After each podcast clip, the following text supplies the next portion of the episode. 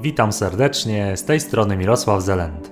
Jeśli ktoś z Państwa nie kojarzy mojej działalności w sieci, to wyjaśnię krótko, iż prowadzę kanał na YouTube poświęcony m.in. nauce programowania, rozwojowi osobistemu oraz zawierający produkcje filmowe na temat informatyki, matematyki i filozofii. Więcej o sobie jednak opowiadać nie zamierzam, bo mam dziś całą masę kontentu do przekazania, a naprawdę mam szacunek do Waszego czasu. Dniu dzisiejszym, dzięki uprzejmości Lenovo, mam przyjemność oddać w Państwa przeglądarki wyjątkowo cenny film. Będzie to produkcja z zakresu zarówno programowania, jak i samorozwoju. Film, który naprawdę warto zobaczyć w początkach swojej koderskiej przygody i który na pewno zmusi do wielu przemyśleń, do autorefleksji i takiej implozji, czyli wyprawy do wnętrza siebie w celu wyciągnięcia wniosków do pracy. Idea zrealizowania tego podcastu, jak to się mówi, siedziała we mnie bardzo długo. Otóż chciałbym dziś dokonać kompilacji najczęstszych błędów czy takich złych praktyk, jakie notorycznie popełniamy w czasie nauki programowania, będąc początkującymi koderami. A przy okazji omawiania tych złych praktyk opowiemy sobie także o praktykach najlepszych, to znaczy zapewniających szybki, holistyczny, czyli całościowy i wreszcie harmonijny rozwój. Jest to piekielnie trudny temat do zrealizowania, do ubrania w słowa, co też niewątpliwie potwierdzą oglądający nas tutaj doświadczeni programiści. Jednak moi stali widzowie wiedzą, że ja uwielbiam takie dydaktyczne wyzwania i dlatego też ten film rzeczywiście powstał i oglądasz go teraz w swojej przeglądarce. A powstał w ramach twórczej gorączki, połączonej jednak z chłodną analizą ważnych czynników i licznymi rozmowami ze znanymi mi pracującymi w zawodzie koderami. Posługując się wymyślną metaforą, to mógłbym zatytułować ten podcast na przykład 7 grzechów głównych programisty albo Kodeks Bushido programowania. Tytuły chwytliwe i zapewne podnoszące liczbę wyświetleń filmu, ale nie zrobię tego. Takie tytuły kojarzyłyby się nam podświadomie z pewnym dogmatem, sztywnym zbiorem nieprzekraczalnych zasad, kodeksem, którego łamać absolutnie nie należy.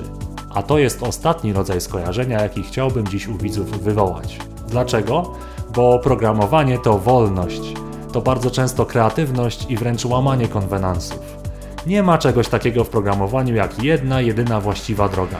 Społeczność koderów, a także hakerów jest bardzo merytokratyczna, to znaczy wierzymy w najlepsze rozwiązanie i w jego najlepszą implementację, ale niekoniecznie interesuje nas autor tego rozwiązania. Zatem nie akceptuj jakiejś porady czy techniki tylko dlatego, że ja tak powiedziałem, czy autor jakiejś książki, czy ktokolwiek inny w komentarzach. To, o czym tutaj za chwilę opowiem, jest z mojego punktu widzenia najlepsze i najskuteczniejsze, ale to wcale nie musi oznaczać, że okaże się także najlepsze dla Ciebie. Ty znasz i stosujesz z powodzeniem swoje własne techniki, które uważasz za najbardziej skuteczne. Bardzo fajnie, gdybyś się nimi podzielił z nami w komentarzach. Natomiast zarówno ja i ty mamy świadomość tego, że prowadzimy tutaj otwartą dyskusję. To nie jest tak, że ja za chwilę narzucę wszystkim jakiś dogmat, że ja wiem ponad wszelką wątpliwość, że tak jest najlepiej, tak trzeba robić i koniec. Nie, uwierzcie mi, jestem doskonale świadomy własnych ograniczeń jako jednostki. I tak samo jak ty, staram się zachować analityczny i co najważniejsze, otwarty umysł. Interesuje mnie content i konkret, a nie karmienie własnego ego. Wierzę, że informacja powinna być wolna. Wierzę, że dzielenie się informacją jest dobre. Wiem, że otwarta dyskusja rozwinie zarówno Wasz, jak i mój punkt widzenia na dydaktykę programowania. John Carmack, programista ID Software, współtwórca Duma, Quake'a i Wolfensteina, powiedział kiedyś pięknie: Programowanie nie jest grą o sumie zerowej. Nauczenie czegoś innego programisty nie zabiera tego o tobie.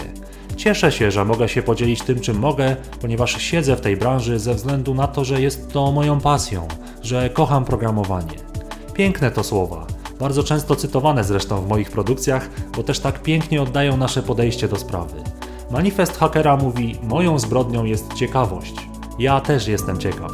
Jestem ciekaw, co napiszecie, jak merytokratycznie ocenicie wnioski moje, jak i moich znajomych programistów oraz czy ten film pomoże Wam szybciej i skuteczniej się rozwijać. To byłoby coś niesamowitego, pomóc komuś już na początkowym etapie drogi. To jest najpiękniejszy aspekt pracy nauczyciela móc zaobserwować żywe efekty swojej pracy w innych ludziach.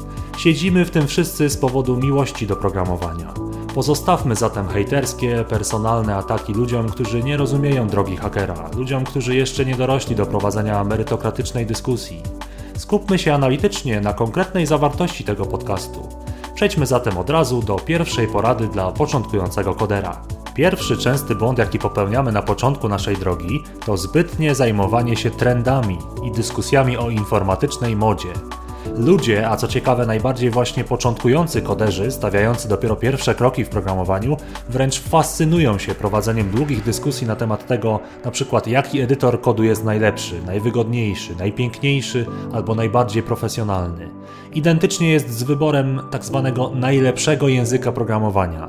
Godziny dyskusji. I tak samo z OS-ami. Mamy nieco wyśmiewany obóz Windowsowy, mamy zwolenników Linuxa i ludzi pracujących na Macach.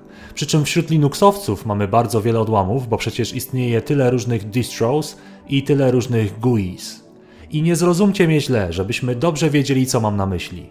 Na pewnym etapie tworzenia kodu naturalnie dochodzimy do pewnych wniosków. Na przykład pisanie w Ruby on Rails pod Windowsem jest niepraktyczne i wręcz niemożliwe. Stąd rzecz jasna wówczas naturalnie przechodzimy do innego systemu operacyjnego, który posiada terminal bashowy, czyli na przykład do Linuxa albo do OS X. I wówczas jest to logiczna decyzja i stoi za tym konkretny powód. I tak samo, kiedy dochodzisz do wniosku, że pora zmienić już edytor kodu, bo po prostu ten aktualny już ci nie wystarcza. Potrzebujesz w swoich realizowanych projektach pewnych dodatkowych funkcji, które oferują inne idee. Tu nie mam problemu, ja nie o tym mówię. Ja mam na myśli sytuację, w której dana osoba, początkująca, która tak naprawdę, żeby się uczyć konstrukcji językowych, semantyki języka, pętli ifów, algorytmiki, potrzebuje jedynie prostego edytora kodu. Owszem, z ciemnym tłem, podświetlaniem składni i ewentualnie podpowiedziami, czy domykaniem znaczników albo klamer. Choć można się kłócić, że na początku warto te ostatnie dwa udogodnienia także wyłączyć, ale taka początkująca osoba zamiast rzeczywiście skupić się na nauce języka i realizować swoje pierwsze projekty, układając to sobie wszystko w głowie, ona zamiast tego przesiaduje na forach czytając jakieś opinie, pobiera kilkadziesiąt instalatorów i triali, bawi się kolorkami i tematami w edytorach, wygłasza na tej podstawie setki różnych opinii, instaluje przeróżne Linuxy, maszyny wirtualne, zmienia wygląd okienek, czcionek, tapet itd. Tak itd. Tak Robi wszystko, co jest wokół programowania, a nie zajmuje się samym programowaniem. O to mi chodzi. Otóż naprawdę posłuchajcie, na początku waszej drogi taka zabawa to czysta strata energii i entuzjazmu. Trwonisz czas, który mógłbyś przeznaczyć na rzeczywistą pracę z kodem. Zamiast tego przeprowadzasz instalację, deinstalację, konfigurację, wgrywanie skórek, skinów, czcionek itd. Tak itd. Tak Niepotrzebnie rozmieniasz swój czas na drobne. Niepotrzebnie się tym tak jarasz. Jeszcze dobrze nie nauczyłeś się podstaw języka, w którym chcesz pisać, a już chcesz zachowywać się jak guru programowania i mieć perfekcyjny setup na komputerze. To jest tylko potrzeba ego. Po prostu chcesz być kimś ważnym i zauważanym w tym nowym środowisku. A że nie potrafisz jeszcze udzielać się w wątkach stricte dotyczących dyskusji o kodach źródłowych, to wywołujesz istny shitstorm w wątkach na temat wyboru edytora, pierwszego języka programowania czy OS-a. Często widzę taką postawę nie tylko w internecie. To jest stary, częsty błąd początkujących. Czasami przychodzi do mnie na zajęcia uczeń ze swoim laptopem i pokazuje mi swoje piękne środowisko, ten cały swój setup. Jak to wszystko sobie ładnie poukładał, jak ładnie skonfigurował Konkiego, jaki tu ma Linuxowy desktop, zieloną matrixową czcionkę w terminalu i że jak naciśnie tyldę, to ten terminal Quake'a sam mu się wysuwa. No słowem jest cały dumny, tak jakby myślał, no teraz z takim setupem to ja już będę profesjonalistą. Błędy się same znajdą, kody same się będą pisać, a ja tylko będę liczył hajs ze zleceń. Wtedy oczywiście ja, no mam trochę problem, bo niekoniecznie chcę gasić ten entuzjazm, prawda? No ale mówię wprost. Okej, okay, fajnie to skonfigurowałeś, pokaż mi to, pokaż mi tamto, a teraz pokaż mi kod swojego zadania domowego. No i tu już niekoniecznie spotykam się z jakością. O ile oczywiście w ogóle pies nie zjadł przypadkowo tych linii kodu, no to najczęściej sam proces instalowania tego wszystkiego i przede wszystkim konfiguracji zabrał mu tyle czasu, że sama implementacja zadania jest niestety kiepska. I wiele, wiele osób popełnia ten błąd na początku. Skupiamy się na wszystkim, co jest wokół kodowania, a nie na rzeczywistej pracy z kodem. Ta otoczka jest mało ważna, liczy się Twój skill, nad tym pracuj. Ja sam też taki byłem w początkach mojej drogi. Potrafiłem się godzinami bawić ustawianiem przykład płonących przy zamykaniu okienek gnoma w kompis configu. Potem z tego wyrosłem, no ale tak to jest na początku. Zajmujemy się niepotrzebnie czcioneczkami, kolorkami, jakimiś nic nie dającymi dyskusjami o wyższości tego nad tamtym, zamiast wyznaczyć sobie jakiś konkretny projekt koderski i wykonać go, rozwinąć się. Unikajmy takiego bezsensownego tracenia energii i czasu jak ognia. Przy tej okazji rzućmy okiem na jeden z odcinków mojego ulubionego komiksu w sieci, znajdującego się pod adresem zenpencils.com. Każdy odcinek komiksu przedstawia jakiś ciekawy cytat. Ten, który zobaczymy wspólnie, to odcinek 97. Przedstawia on słowa Charlesa Bukowskiego. Nie będę może tłumaczył słowo słowo z języka angielskiego, ale prześledźmy tę historię wspólnie. Komiks opowiada o artyście, któremu wiecznie coś przeszkadzało tworzyć. Ale w końcu porzucił więzy rodzinne, porzucił swoją nudną biurową pracę, a nawet postanowił sprzedać swój dom, tak żeby wreszcie mieć środki do realizowania swojej artystycznej pasji. Wynajął duże, przestronne i dobrze oświetlone studio. O tak, to będzie idealne miejsce do tworzenia. Po raz pierwszy w życiu mam cały potrzebny sprzęt, miejsce, przestrzeń i czas do tworzenia. No słowem, perfekcyjny setup. I teraz pora na figurę literacką zwaną hiperbolą. O nie, kochanieńki, jeśli naprawdę zamierzasz tworzyć, to będziesz tworzył nawet pracując 16 godzin w kopalni. Będziesz tworzył w małej klitce obok trójki śpiących dzieci. Będziesz tworzył nawet jeśli odstrzelą ci części ciała lub mózgu. Będziesz tworzył będąc sparaliżowanym i w demencji. Będziesz tworzył nawet jeśli całe miasto pogrąży się w bombardowaniu, trzęsieniu ziemi, w powodzi lub w morzu ognia. Miejsce, przestrzeń, światło czy czas nie mają nic wspólnego z procesem twórczym. Okoliczności nie mogą wykreować niczego. No, może poza znalezieniem kolejnych wymówek, dlaczego nie tworzyć. Pięknie powiedziane, prawda? I tak samo jest w programowaniu. I nie chodzi mi tylko o jałowe dyskusje, czy czas poświęcony na ustawianie edytora czy OS-a. Chodzi mi też o zakup książek, wybór języka programowania, te wszystkie trendy i dyskusje na ten temat. Jest tego tak wiele, bo liczymy na tak zwany efekt katarzis, czyli oczyszczenia. Czyli na przykład średnio się przykładałem do powiedzmy C, bo bardziej się zajmowałem wszystkim wokół, tylko nie kodem, a książkę, którą kupiłem, przepracowałem do powiedzmy 60 strony. Ale teraz, teraz już nie, zajmę się Javą. Mam nowe IDE, kupiłem sobie MacBooka, zamówiłem książkę Cegłę, Thinking in Java Bruce'a Eckela. No, teraz to już się wezmę do pracy. To będzie świeży start. Koniec ze starymi nawykami prokrastynacji. Biorę się za siebie. Bullshit. To tak nie działa. Ustawienie takiego nowego punktu startowego to właśnie wywołanie efektu katarzis, czyli oczyszczenia tego świeżego startu. Ale to tylko efekt psychiczny, bo widzisz, liczy się konsekwencja i wyrobiony pozytywny nawyk kodowania, ta pasja. To jest ten moment, kiedy po dwóch tygodniach pracy z nową książką i w nowym IDE, kiedy mija początkowy entuzjazm i pojawia się trudny do zrozumienia moment, który może wymagać kilku dni i kilku wersji kodu do napisania, uruchomienia, pozmieniania, kolejnego uruchomienia, przeanalizowania, znowu zmiany, znowu uruchomienia i to wszystko, żeby to w końcu zrozumieć i poukładać w głowie. To są przełomowe momenty, które odróżniają prawdziwych pasjonatów od ludzi, którzy zainteresowali się kodowaniem, bo słyszeli, że można na tym całkiem fajnie zarobić. Ten moment kryzysu odróżnia kogoś, kto kocha to, co robi, od kogoś, kto miał tylko pipe dream. Wymarzył sobie, że na skróty osiągnie to, na co inni ciężko w takich właśnie momentach pracowali. Ta otoczka nic ci nie da, liczy się Twoja praca z kodem. I konsekwencja. Jeśli wytrzymasz, przepracujesz swoje i wytworzysz pozytywny nawyk, to zrozumiesz jak to jest. A jeśli się poddasz, to też nie ma problemu, jeśli to nie dla ciebie. Przynajmniej spróbowałeś, wiesz jak to wygląda, wiesz czym się to je, a czas poświęcony na naukę kodowania i analitycznego myślenia i tak nie był czasem straconym.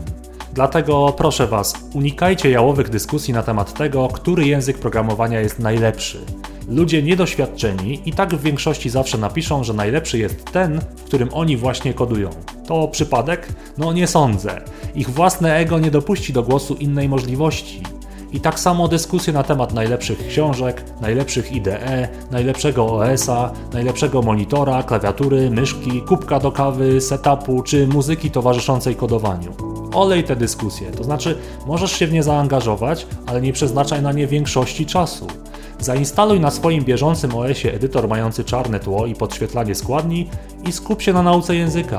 Zamiast tworzenia kolejnych jałowych postów na forum, gdzie tylko dyskutujemy albo kłócimy się z innym obozem, wymyśl kilka projektów do zrealizowania. I bądź konsekwentny. Nie zmieniaj co chwilę języka programowania tylko dlatego, że ktoś tam powiedział, że najwięcej ofert pracy w Wąchocku jest w C-Sharpie. Albo że mój kolega aplikował do firmy X i tam szukają tylko ludzi do PHP. Podejmij męską decyzję o wyborze języka i przepracuj go przez minimum dwa miesiące. Ja osobiście na samym początku drogi polecam Ci wybrać język C. dlatego że jest to dobry fundament. Poznasz najważniejsze konstrukcje językowe, poznasz podejście obiektowe, nauczysz się też myśleć analitycznie, zapoznasz się z algorytmami i strukturami danych. Potem możesz zmieniać języki częściej. Ba, od pewnego momentu stwierdzisz, że zaczniesz się uczyć danego języka dopiero kiedy jakiś projekt, który właśnie realizujesz, będzie tego wymagał. Ale przepracuj spokojnie fundamenty. Fajnie można porównać to do sytuacji, w której ktoś zapisałby się na kurs prawa jazdy, a myślał już tylko o wyborze samochodu i wdawał się w jakieś jałowe dyskusje o wyższości Toyoty nad Fordem. Nie, najpierw to musisz przysiąść i przepracować wszystkie przepisy ruchu drogowego, nauczyć się ruszać, zatrzymywać, zmieniać biegi. Jaki sens ma dyskutowanie o markach samochodów w momencie, kiedy brakuje nam praktyki, kiedy nie było nas jeszcze na drodze? A wiecie, że ta droga weryfikuje nasze umiejętności prędzej czy później. I analogicznie jest z programowaniem. Po co na początku drogi płomiennie dyskutować o edytorach, OS-ach, o różnych książkach, językach programowania, skoro nie posiadamy jeszcze wystarczającego doświadczenia praktycznego? Zatem nie ulegaj żadnym trendom, dyskusjom, nie baw się godzinami w udowadnianie, który OS, która książka, który język programowania czy który edytor jest najlepszy. Koduj zamiast wymądrzać się. Przestań zgrywać mistrza, któremu wydaje się, że pozjadał wszystkie rozumy. Nie bądź takim script kiddie, który udaje hakera. I nawet kiedy widzisz osobę wygłaszającą jakieś niestworzone, absurdalne tezy, nie angażuj się w tę dyskusję. Uśmiechnij się tylko pod nosem, pozwól tej osobie błyszczeć, niech szuka atencji. Ty zachowaj pokorę. Skup się na konsekwentnej pracy nad kodem, na jego głębi, jakości, prostocie. Przepracuj wnikliwie wszystkie materiały, które posiadasz. Niech Twój umysł chłonie tę wiedzę jak gąbka. Zrozum i poukładaj w głowie najważniejsze paradygmaty i definicje. Taką pierwszą radę dałbym początkującym, zdecydowanie. Nie rozmieniaj się na drobne, nie ulegaj trendom i dyskusjom. Bądź konsekwentny w nauce, pracując z dobrą jakością merytoryczną w długim okresie czasu. Po tylu latach uczenia ludzi programowania, autentycznie po samych pytaniach, jakie dana osoba zadaje, mogę stwierdzić, kto naprawdę pokornie pracuje samodzielnie, a kto zgrywa cwaniaka. I nie tylko ja będę w stanie to stwierdzić. Serio, każdy doświadczony koder od razu odróżni pytanie człowieka, który chce się czegoś nauczyć, od pytania kogoś, komu wydaje się, że pozjadał wszystkie rozumy świata. Tej pierwszej osobie zawsze odpowiemy szczerze i konkretnie. Tak jak mówił Karmak, wiemy i rozumiemy, że programowanie to nie jest gra o sumie zerowej. Nasze podejście będzie merytokratyczne. Lubimy, kiedy informacja jest wolna. A tego cwaniaka najczęściej lekko wyśmiejemy albo sprowadzimy nieco na ziemię. Nie dlatego, żeby udowodnić swoją własną wyższość, ale dlatego, że jest to najlepsze, co można dla tej osoby zrobić. Bo ta osoba potrzebuje po prostu trochę pokory, a już na pewno ze swoim stanem wiedzy nie powinna cechować się taką pychą. Dlatego jeśli spotkasz się z sytuacją, że naprawdę doświadczony koder trochę cię przedrzeźnił, albo w sieci, albo na żywo, to zastanów się, czy nie miał ku temu realnego powodu. Ludzie czasem uważają, że programiści to bardzo dziwne i hermetyczne środowisko. Nic bardziej mylnego. Nigdy nie doświadczyłem ze strony doświadczonego programisty jakiejś niechęci do pomocy. Opinie środowiska psują nam najczęściej początkujący gracze na tym boisku. Dlatego liczy się właśnie pokora, rzeczywista wykonana praca z kodem, konsekwencja i nieuleganie trendom. Okay, koniec tego wątku. I kolejna sprawa, i kolejna zła praktyka. Otóż bardzo często jako programiści, jeśli jakiś program czy skrypty zawiera błąd składniowy, albo najczęściej błąd wykonania, to nie potrafimy oderwać się od tego kodu, dopóki tego błędu nie znajdziemy. Nieraz aż do granic absurdu. A to bardzo duży błąd. Czasami zresztą ja sam, mimo tylu lat doświadczenia, także łapię się nad takim ślęczeniem nad niedziałającym kodem. To jest bez sensu. Dlaczego? Z co najmniej kilku powodów. Po pierwsze, istnieje coś takiego w programowaniu jak efekt świeżego oka. Oznacza to, że długie ślęczenie nad jakimś kodem powoduje taki rodzaj umysłowej ślepoty. Na pewno tego doświadczyliście. Coś, co normalnie dostrzeżesz w ciągu sekundy, będąc wypoczętym, patrząc na ten kod, jak to się mówi, spoza pudełka, no to wypatrzenie tego samego błędu w takiej desperackiej, emocjonalnej walce z kodem może zająć kilka godzin. Nie mówiąc już o tym, że kompletnie cię wyczerpie, tak emocjonalnie, jak i fizycznie. To, że nie potrafimy się oderwać od takiego niedziałającego kodu, to też jest kwestia ego. Gdzieś tam mentalnie to odejście od monitora bez rozwiązania problemu traktujemy wewnętrznie jako porażkę, jako akt poddania się. To jest tak silne odczucie, że uruchamia nam się reakcja fight or flight w mózgu, że traktujemy to prawie jak kwestię życia i śmierci, jak jakieś zagrożenie. Nie pójdziemy wtedy do toalety, nie weźmiemy łyka wody, nie rozprostujemy pleców, dopóki nie znajdziemy tego błędu. Patrząc na taką osobę z zewnątrz, widzimy to bez problemu. Mówimy człowieku, wyluzuj, zrób sobie przerwę, odpocznij i wróć ze świeżym okiem do tego kodu. Łatwo się mówi innym, gorzej kiedy taka sytuacja dotyczy nas. Wtedy jakoś nie chcemy posłuchać własnej rady. Ale jest na to sposób. Wystarczy zdać sobie sprawę, że po pierwsze, długotrwałe siedzenie bez przerwy przy komputerze ma tak złe konsekwencje dla układu krążenia, że mówi się wręcz, że siedzenie to ulepszona współczesna wersja nałogu palenia papierosów. Zajrzyjcie sobie do linka podanego na ekranie. A po drugie, kiedy zdasz sobie sprawę, że Twój kod, nawet jeśli znajdziesz błąd, to i tak będzie jeszcze podlegał tak zwanej refaktoryzacji, a już za chwilę opowiemy sobie, co to znaczy szczegółowo, i skoro ten twój kod i tak będzie podlegał tej refaktoryzacji, czyli tak naprawdę ponownemu przepisaniu go do prostszej postaci, to nie ma znaczenia, czy znajdziesz ten błąd teraz, czy w następnej sesji przy klawiaturze. Bo tak czy siak ten kod zmieni się jeszcze wielokrotnie, więc to, że znajdziesz teraz błąd, niczego nie dopełni, nie zamknie ci żadnego etapu pracy. Ta walka z błędami w kodzie i potrzeba oderwania się w kryzysowych chwilach jest powodem, dla którego programiści dysponują tzw. Tak rest roomami, czyli miejscami, gdzie można się po prostu zrelaksować, na chwilę oderwać od problemu i od monitora, często poćwiczyć fizycznie albo na przykład pograć w bilarda czy posłuchać muzyki. Cokolwiek, żeby oderwać swój świadomy umysł od problemu i powoli się zregenerować. Restroomy nie służą do pokazywania wszystkim ludziom, jaki to programiści mają high life. Nie, to wręcz nieodłączna potrzeba w tej pracy.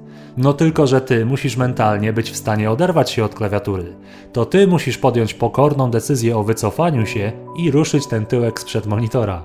Ludzie, zwłaszcza ci ambitni, nienawidzą poddawania się. Wykorzystują to m.in. zawodowi pokerzyści w swojej pracy, bo ludzie z natury nie cierpią wyrzucać swoich kart, swoich rąk pokerowych. Sprawdzają kolejne zakłady tylko i wyłącznie dlatego, że nie potrafią odpuścić danego rozdania mentalnie. I tak samo zachowują się czasami ludzie grający w ruletkę, jednorękiego bandytę czy blackjacka. Często nie potrafią po prostu odejść od stołu przegrywając. Oczywiście chcę zaznaczyć, że poker to gra umiejętności, która rozgrywa się pomiędzy ludźmi, a nie taki typowy hazard jak gry losowe przeciwko kasynu, ale niechęć do poddania się jest taka sama i dobrze to widać wtedy w ludziach. Podobnie jest w programowaniu. Ludzie po prostu nienawidzą się poddać, tak jakby ich reputacja i mniemanie o swoim skillu były uzależnione od znalezienia pojedynczych bugów w kodzie. Recepta na sukces tak w pokerze, jak i w programowaniu jest taka sama i brzmi następująco: You are in it for the long run, czyli nas interesuje long run, czyli tak zwany długi okres czasu. Nie interesują nas pojedyncze rozdania czy pojedyncze bugi w kodzie. Ja jestem codziennie w pracy i przez zadany okres daję z siebie to, co potrafię. Gram na 100%. Pokerzysta powie, to jest moja tak zwana A-game, czyli najlepsza gra, gra typu A. Nie ulegam emocjom, ustalam konkretny czas sesji przy komputerze i kiedy ten czas mija, robię przerwę, choćbym był w czarnej dziurze, choćbym miał błąd na błędzie na wielbłądzie, choćbym przegrywał nie wiem ile i jak trudna by to nie była sytuacja, odchodzę od stołu, mówię pas, potrzebuję odpoczynku. A po przerwie wracam z nowymi siłami, jestem wypoczęty i mam tylko jeden cel: zagrać swoje A-game ponownie przez cały wyznaczony czas sesji. To jest podejście longranowe, długoterminowe. Mam zamiar pracować jak najlepiej potrafię, dając pełną jakość z mojej strony i pełen profesjonalizm pozbawiony emocji w długim okresie czasu, podzielonym jednak na poszczególne sesje. Tak samo robią sportowcy. Wykonujesz trening dając z siebie co masz najlepszego i tyle. Na zawodach podobnie dajesz z siebie co masz najlepszego, bez ulegania emocjom. Wiesz, że dałeś z siebie wszystko i to wystarczy. Nie ma wtedy emocjonalnego bólu. Mistrzem stajesz się, jeśli te konsekwencje i jakość pracy utrzymujesz właśnie w długim okresie czasu. Sprawdźcie sobie reżimy treningowe Michaela Phelpsa, Justyny Kowalczyk, Adama Małysza, Michaela Jordana, jakiegokolwiek zawodowego sportowca. I tak samo jest w programowaniu. Twoje podejście musi być longranowe, długoterminowe. Więc reasumując, oderwij się od kodu, rusz tyłek sprzed monitora. Ślęczenie nad tym jest bez sensu, nic dobrego nie wnosi, a dodatkowo rujnuje Twoje zdrowie i samopoczucie. Wspomnieliśmy też o refaktoryzacji kodu, lub jak niektórzy mówią o spłacaniu długu technicznego. Porozmawiajmy teraz o tym, bo to bardzo ważny temat w programowaniu. Co to jest ta refaktoryzacja kodu? Ano, posłuchajcie. Kiedy tworzymy jakiś kod po raz pierwszy, to zawsze, ale to zawsze będziemy podczas tego pisania stosować różnego rodzaju drogi na skróty, pewne sztuczki, dodatkowe pomocnicze zmienne, tymczasowe. Niektóre elementy będziemy kopiować po kilka razy, podmieniać, a czasem niby na chwilę dołożymy pewną zmienną globalną albo atrybut publiczny klasy, od po prostu w ferworze walki z problemem. Kto tak nigdy nie zrobił, niech pierwszy rzuci kamień. To jest naturalny proces zmagania się z problemem. Myślę, że wszyscy zgodzimy się z tym, że nasz pierwszy kod, który poprawnie rozwiązuje dany problem, na pewno nie będzie optymalny pod względem prostoty, zużycia pamięci, hermetyzacji danych i ogólnie poprawnych technik programowania. Mówiąc najprościej, nie będzie to tak zwany czysty kod, Wręcz przeciwnie, jest to taki rezultat pozostałości po różnych próbach poradzenia sobie z problemem, taki krajobraz po mentalnej bitwie, zlepek pomysłów, Frankenstein sklejony z różnych wymyślonych przez nas półśrodków. Ten fakt tworzenia takiego ohydnego, nadmiarowego i nieoptymalnego kodu nazywamy w programowaniu zaciąganiem długu technicznego. Owszem, ten kod rozwiązuje poprawnie zadany problem, ale pozostawienie go w takiej pierwotnej, ohydnej formie w naszym projekcie sprawi, że projekt stworzony z wielu takich źródeł będzie nadmiarowy, nieczytelny, mulasty, będzie źle używał zasobów. A w razie potrzeby dokonania w takim pogmatwanym kodzie zmiany, oj, będziemy się musieli niemiłosiernie namęczyć. Zresztą dług techniczny nie dotyczy tylko kodu, dotyczy też często danych, plików konfiguracyjnych, wersji kompilacji, to wszystko nawarstwia się i potem rośnie wykładniczo. I dlatego istnieje potrzeba dokonywania przez programistów właśnie tzw. Tak refaktoryzacji kodu. Jak już się zapewne domyślasz, proces ten polega na maksymalnym odchudzeniu, uproszczeniu i poukładaniu zarówno od strony składniowej, jak i ideowej i algorytmicznej naszego kodu. Czyli refaktoryzacja to tak naprawdę spłacenie tego naszego długu technicznego. Zauważmy, że łatwo jest zrefaktoryzować stosunkowo mały, stworzony przed chwilą fragment kodu, a refaktoryzacja całego projektu napisanego w brudny sposób może zająć całe miesiące. I dlatego jest to tak ważny proces, który trzeba przeprowadzać regularnie, a jednocześnie jest on kompletnie ignorowany przez początkujących programistów. Oni nie refaktoryzują swojego kodu, nawet o tym nie myślą. I to jest kolejna rada, którą mogę Ci dać. Refaktoryzuj swój kod. Początkujący programiści mają inne sposoby myślenia. Powiedzą: No a czego ty ode mnie oczekujesz? Przecież mój kod rozwiązuje problem, działa, to po co ja mam w nim grzebać? Jeszcze coś zepsuje i przestanie działać. Jak coś działa, to lepiej tego nie dotykać. No, ale tak naprawdę wszyscy doskonale zdajemy sobie sprawę, a jeżeli jesteśmy bardziej zaawansowani, to rozumiemy, że jest to bardzo krótkowzroczne podejście i jest ono możliwe do zrealizowania tylko w bardzo, bardzo małych, początkowo realizowanych projektach. Wówczas refaktoryzacja nie jest konieczna, ale w średnich i większych projektach nigdy jej nie unikaj i nie zaniedbuj. Moja rada brzmi: od początku refaktoryzuj każdy stworzony przez Ciebie większy kod źródłowy. Nawet jeżeli początkowo ta refaktoryzacja będzie polegała tylko na usunięciu np. niepotrzebnej zmiennej, zastąpieniu kilkunastu linii pętlą robiącą dokładnie to samo, albo uda Ci się uprościć plątaninę ifów, stosując bardziej rozsądne warunki w ich wnętrzu.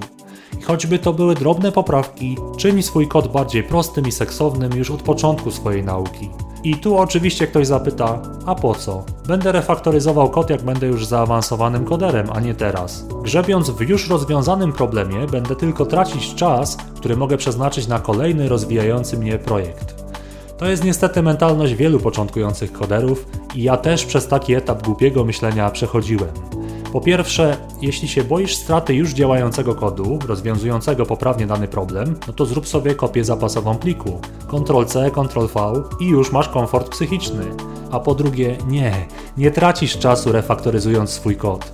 Bo zobacz, tak naprawdę robisz sobie dodatkową powtórkę z tego, co udało Ci się już do tej pory zrobić, więc masz unikalną szansę prześledzenia drogi, którą dotarłeś do rozwiązania i wyciągnięcia z tego wniosków na przyszłość. Zadajesz sobie automatycznie pytania w stylu: jak ja doszedłem do tego momentu? Co doprowadziło mnie do tego odkrycia? Czy aby na pewno to jest dobry sposób rozwiązania problemu, a może warto zrobić to tak? Czyli dokonujesz tutaj oceny jakości swojego kodu. Ocenianie to najwyższy poziom umiejętności w taksonomii celów nauczania Bluma. Więcej informacji o tej taksonomii znajdziesz na moim kanale, ale zasadniczo poruszasz takie poziomy umiejętności, których w ogóle nie poruszysz, kiedy syntetyzujesz swój kod, czyli kiedy tworzysz go z kolejnych fragmentów. A poruszanie tych najwyższych poziomów taksonomii nauczania to najlepsza inwestycja w siebie, w swój koderski playbook, w swojego koderskiego skilla. Żeby to lepiej wytłumaczyć, posłużę się znowu metaforą. Co robi szachista po rozegranej partii turniejowej? Dokonuje analizy. Na spokojnie, poza zegarem, analizuje wszystkie swoje ruchy i jednocześnie zastanawia się, co mógł zagrać inaczej, jakie miał warianty, co mógł zagrać lepiej. I tak samo robią brydżyści, pokerzyści, oglądają historię swoich rozdań. Albo gracze komputerowi. Po co gracz Quake'a czy CS-a ogląda po rozgrywce swoje nagrane demo? No po to, żeby sprawdzić, gdzie popełnił błędy, bo w ferworze walki, będąc uczestnikiem wydarzeń, nie widać tego tak pięknie jak w pomeczowej analizie w wygodnym fotelu obserwatora. I podobnie robią sportowcy wszystkich dyscyplin. Analiza pomeczowa to naturalny element treningu. I to właśnie ta analiza jest tym, co prowadzi do mistrzostwa, co rzemieślnikom różnej maści najbardziej podnosi skilla. I tym w programowaniu jest refaktoryzacja. To najbardziej podnosi umiejętności, bo widzisz swój kod, swój sposób myślenia, swoje popełnione błędy, ścieżki rozumowania, którymi postępowałeś, które doprowadziły cię do uzyskania tego, co widzisz na ekranie. Analiza tego, co udało ci się zrobić, to najlepszy sposób pracy nad sobą. Tak szczerze mówiąc, to myślę, że początkujący programiści unikają wracania do swojego kodu także z powodu ego. No bo skoro rozwiązałem problem, kod działa i realizuję swoje zadanie, no to znaczy, że jestem zajedwabistym koderem. A wrócenie do tego kodu i przyjrzenie mu się na spokojnie może mi ujawnić, że jak to się mówi, król jest nagi, że ten kod to nadal jest amatorszczyzna w dużym stopniu i że wiele, wiele można jeszcze tutaj poprawić i ulepszyć. Po raz kolejny wracamy do tak zwanej pokory w nauce. Nie bój się refaktoryzacji. Owszem, jest to doświadczenie często upokarzające, ale zmierz się ze swoimi demonami i potworami z szafy. Spójrz prawdzie w oczy, bo unikanie refaktoryzacji opóźni Twój rozwój i sprawi, że odczujesz jeszcze większą niechęć do niej później i strach przed nią, kiedy będziesz już średnio zaawansowany. Nie nauczysz się jej robić będąc początkującym, to tym trudniej będzie Ci zacząć dokonywać tej refaktoryzacji na wyższym poziomie wyzwań, w coraz większych projektach. Im później zaczniesz, tym trudniej. Refaktoryzuj kod. To Cię niesamowicie rozwinie, nauczy pokory, to Ci się pięknie zwróci. Okej, okay, tyle na ten temat. Pora na kolejny wątek. Kolejny błąd początkujących koderów jest następujący. Otóż na początku naszej nauki nie testujemy swojego kodu. Ktoś powie, no ale jak to? Przecież testuję moje programy czy witryny. Najpierw piszę kod, a potem sprawdzam, czy wszystko działa jak należy. Więc o co chodzi? Moja odpowiedź brzmi: nie, nie testujesz. Dlaczego? No, to nie działa w taki liniowy sposób. To, co mam na myśli, to stosowanie tzw. Tak testów jednostkowych. O co tutaj znowu chodzi? Spokojnie, zaraz to wyjaśnimy. To, że spotykasz w tym filmie nowe pojęcia i definicje, po prostu znaczy, że uczysz się nowych rzeczy, że nie tracisz czasu słuchając. To chyba dobrze, prawda? Tym bardziej, że zaraz wyjaśnimy dokładnie i z pietyzmem o co chodzi. Więc zacznijmy od czegoś takiego. To nie jest tak, że aplikację czy stronę www testujemy po ukończeniu pracy nad kodem. W tak zwanym agile'u, czyli programowaniu zwinnym, w którym stosujemy metodykę Test Driven Development, w skrócie TDD, dokonujemy testów aplikacji zanim powstanie kod źródłowy. I teraz ktoś powie: What the fuck? Jak można testować aplikację przed jej napisaniem? Jak można testować coś, co jeszcze nie istnieje? No, to fakt, brzmi to przewrotnie, ale generalnie chodzi o taki paradigm shift, taką zmianę paradygmatu, czyli jakby sposobu myślenia. Ty nie masz myśleć o testach jako o końcowym etapie developmentu. Testy jednostkowe mają stanowić początek pisania kodu, konceptualny start i opracowane testy mają nieodłącznie towarzyszyć tworzeniu kodu. Najlepiej jest to wytłumaczyć na przykładzie.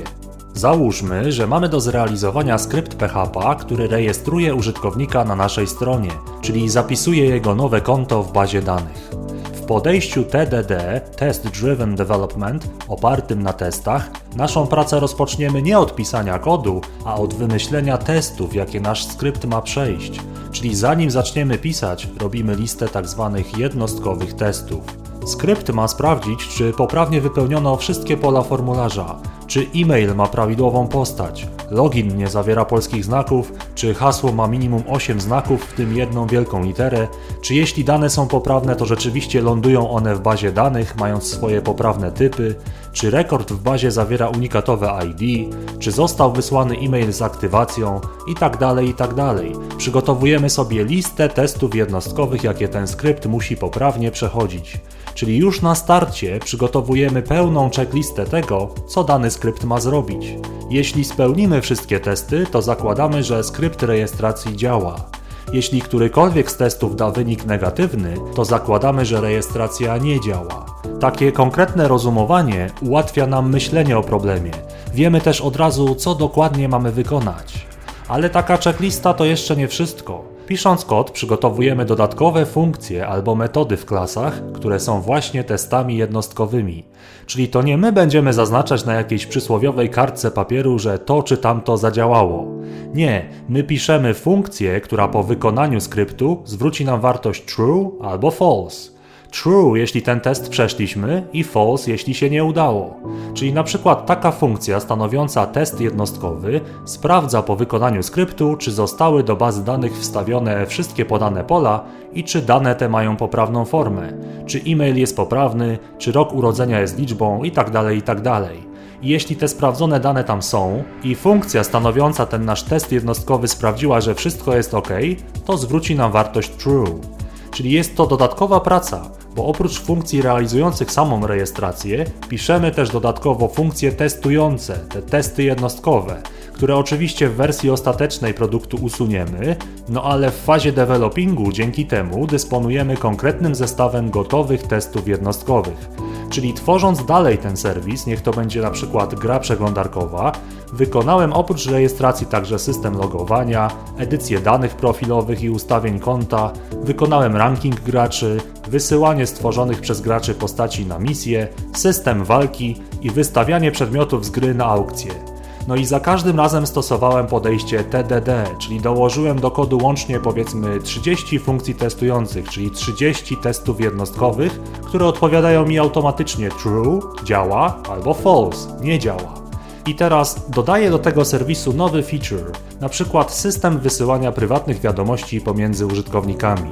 Jak tylko dodałem system PW, no to odpalam moje 30 testów jednostkowych, żeby zobaczyć, czy wszystko nadal działa.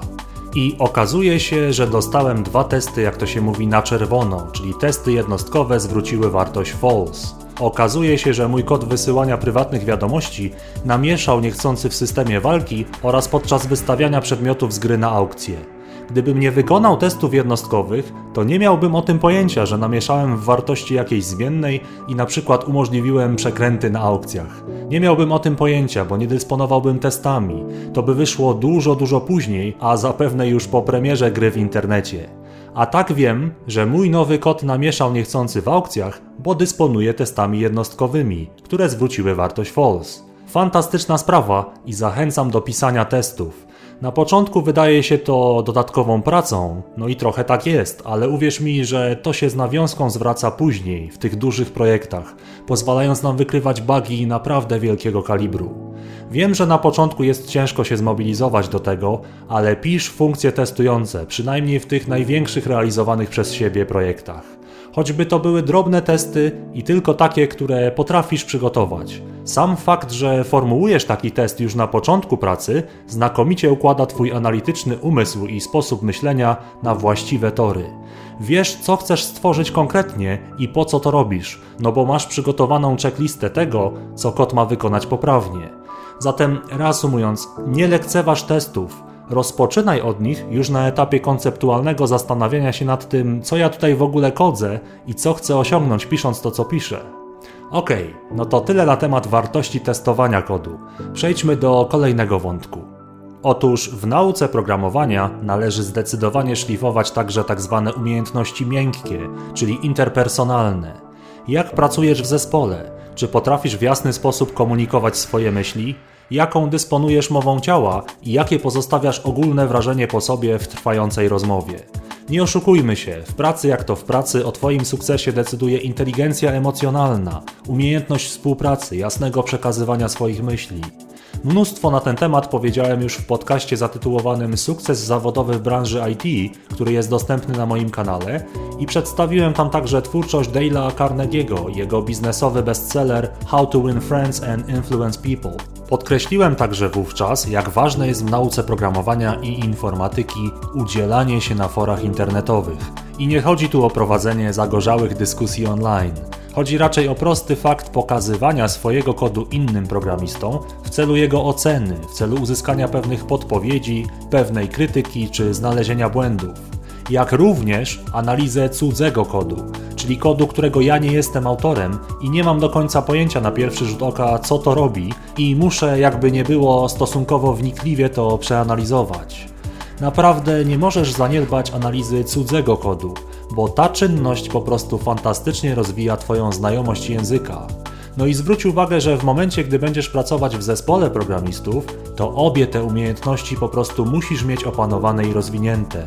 Musisz pisać taki kod źródłowy, który inni zrozumieją, albo który przynajmniej będzie miał niski współczynnik WTF na minutę wśród czytających. Prezentowanie swojego kodu innym na forum koderskim pozwala Ci już od początku pracować nad czystością kodu. Autentycznie nieraz ktoś, kto chce pomóc, powie ci: Tu miałeś baga, ale weź zobacz, że cały ten fragment można napisać prościej. Niepotrzebnie komplikujesz tą funkcję i tu w ogóle nie trzeba stosować pętli. Przepisałem to dla ciebie tutaj, zajrzyj. Oczywiście ten, kto pomaga, nie robi tego wcale za darmo, on nie jest jakimś frajerem, to znaczy nie otrzymuje za to pieniędzy, ale zagląda w różne cudze kody dla ćwiczeń.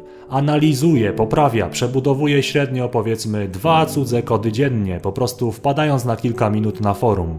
Wrzuci jakiś swój problem, ale przy okazji zajrzy też, co wrzucili inni. I robi to przez na przykład 3 lata, równolegle kiedy uczy się programowania. Dwa przeanalizowane i przegadane cudze kody dziennie przez okres 3 lat to daje około 2190 rozpatrzonych fragmentów źródeł. Jak myślisz, o ile lepiej taka osoba rozwijająca się slide edge'owo, czyli małymi krokami, będzie przygotowana do pracy w zespole, do rzeczowej dyskusji nad kodem? Dlaczego forum Stack Overflow jest takie popularne wśród programistów? No rzeczywiście, wytrwała praca chyba jednak rozwija skilla, prawda? Programiści prowadzą wiele nie tylko jałowych i towarzyskich, ale przede wszystkim merytokratycznych rozmów. A sam system forum koderskiego też jest mocno merytokratyczny, bo wygrywają najlepsze, czyli najwyżej upvotowane rozwiązania, a informacja jest wolna. Dzielimy się nią, bo rozumiemy, że programowanie to nie jest gra o sumie zerowej. Warto w tym uczestniczyć.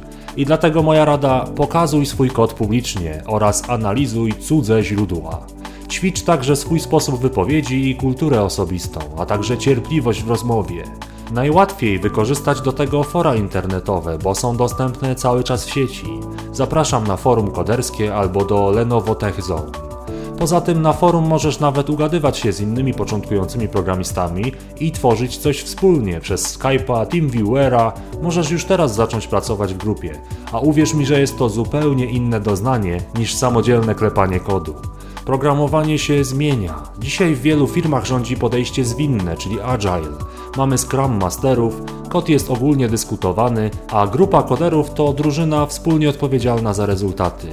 To już nie są czasy pojedynczych, samotnych super specjalistów, którzy klepią kod nie wypowiadając przy tym ani słowa.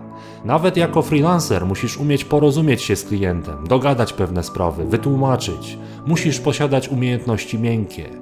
Wiem, że wielu programistów to introwertycy, czyli osoby doświadczające pewnych trudności w kontaktach międzyludzkich, ale tu nie ma się czego bać, ponieważ takie umiejętności również można wytrenować, uwierzcie mi. Sam jestem tego żywym przykładem.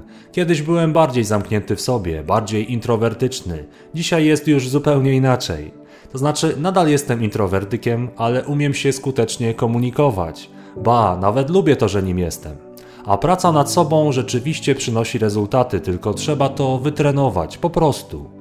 Okej, okay, tyle na temat forów internetowych i pokazywania swoich źródeł oraz analizy cudzych kodów. Natomiast jeśli już jesteśmy przy umiejętnościach miękkich, to nie sposób nie wspomnieć tutaj o bardzo często zadawanym pytaniu. Czy warto jest iść na studia informatyczne, czy może jednak lepiej jest przepracować ten czas samodzielnie?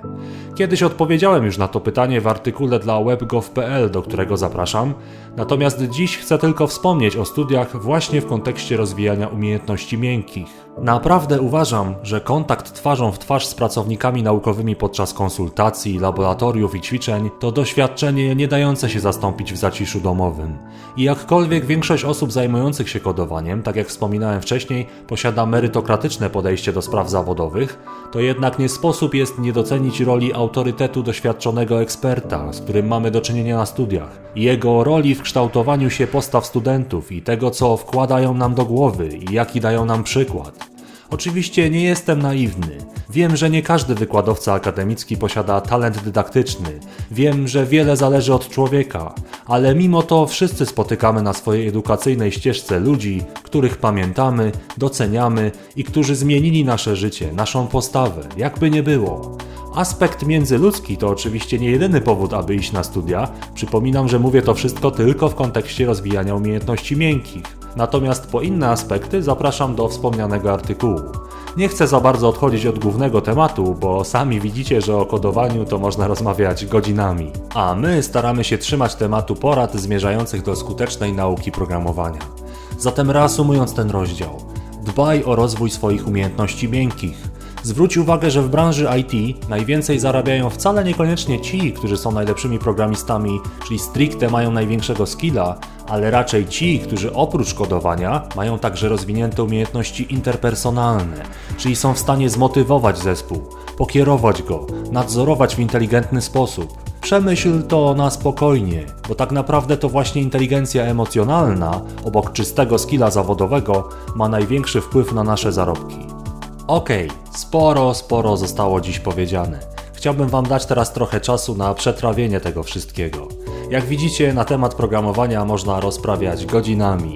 Natomiast myślę, że pora już powoli podsumować dzisiejszy podcast, zbierając w jedną planszę wszystko, co dziś omówiliśmy. Dziękuję, że dotarliście do tego momentu.